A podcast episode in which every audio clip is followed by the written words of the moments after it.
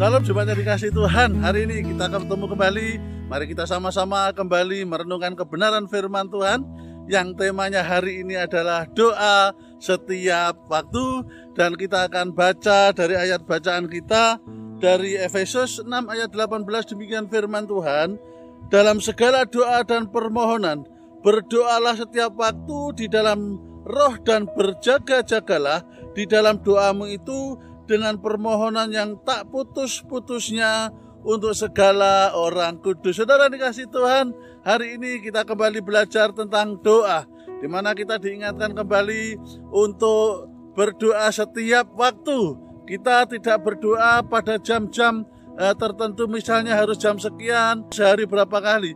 Tetapi setiap waktu artinya apa? Doa itu adalah komunikasi kita dengan Tuhan fellowship kita dengan Tuhan, pertemuan kita dengan Tuhan, sehingga di dalam doa itu ada komunikasi, ada hubungan, ada relationship dengan Tuhan di dalam setiap doa kita. Dan di dalam doa itulah kita bisa ngobrol dengan Tuhan, kita bisa menyembah Tuhan, kita bisa memuji, memuliakan nama Tuhan, dan kita juga bisa menyampaikan apa yang menjadi eh, persoalan-persoalan yang kita hadapi baik itu untuk persoalan yang kita hadapi, untuk persoalan orang lain, untuk orang-orang kudus kalau lihat di dalam Efesus tadi, yaitu orang-orang yang dipercayakan Tuhan uh, untuk melayani pelayanan-pelayanan tertentu hamba-hamba Tuhan, kita support di dalam doa. Karena doa itulah adalah kekuatan kita semuanya. Sehingga firman Tuhan katakan, berdoa setiap waktu. Kapan kita berdoa? Kapan kita memuji menyembah Tuhan? Itu kita bisa melakukan kapan saja dan di mana saja. Tentu dengan bentuk dan e, cara yang disesuaikan.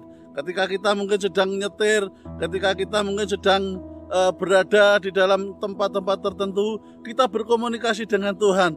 Kalau memungkinkan kita bisa bersuara pelan ketika kita nyetir mobil, kita bisa menyembah Tuhan, kita bisa memuji Tuhan. E, demikian juga kalau ada waktu-waktu tertentu luang, kita bisa lebih kusuk lagi misalnya menyempatkan diri untuk masuk di dalam kamar, ruang tertutup dan lain sebagainya. Tetapi komunikasi dengan Tuhan itu setiap waktu, setiap saat kita bisa lakukan di dalam doa, doa kita dan di dalam doa itu kita tentu harus dengan tekun terus menerus tidak putus asa, tidak bosan. Karena ketika kita bosan untuk berdoa itu berbahaya sekali. Itu artinya kita jauh dari Tuhan untuk kita bisa mendekat dengan Tuhan, maka berdoa setiap waktu. Itu kita sedang seperti HP yang dicas setiap waktu, maka dipastikan kondisi baterai kita terisi dengan penuh. Kita powerful karena roh kita selalu menyala-nyala bersama dan di dalam Tuhan.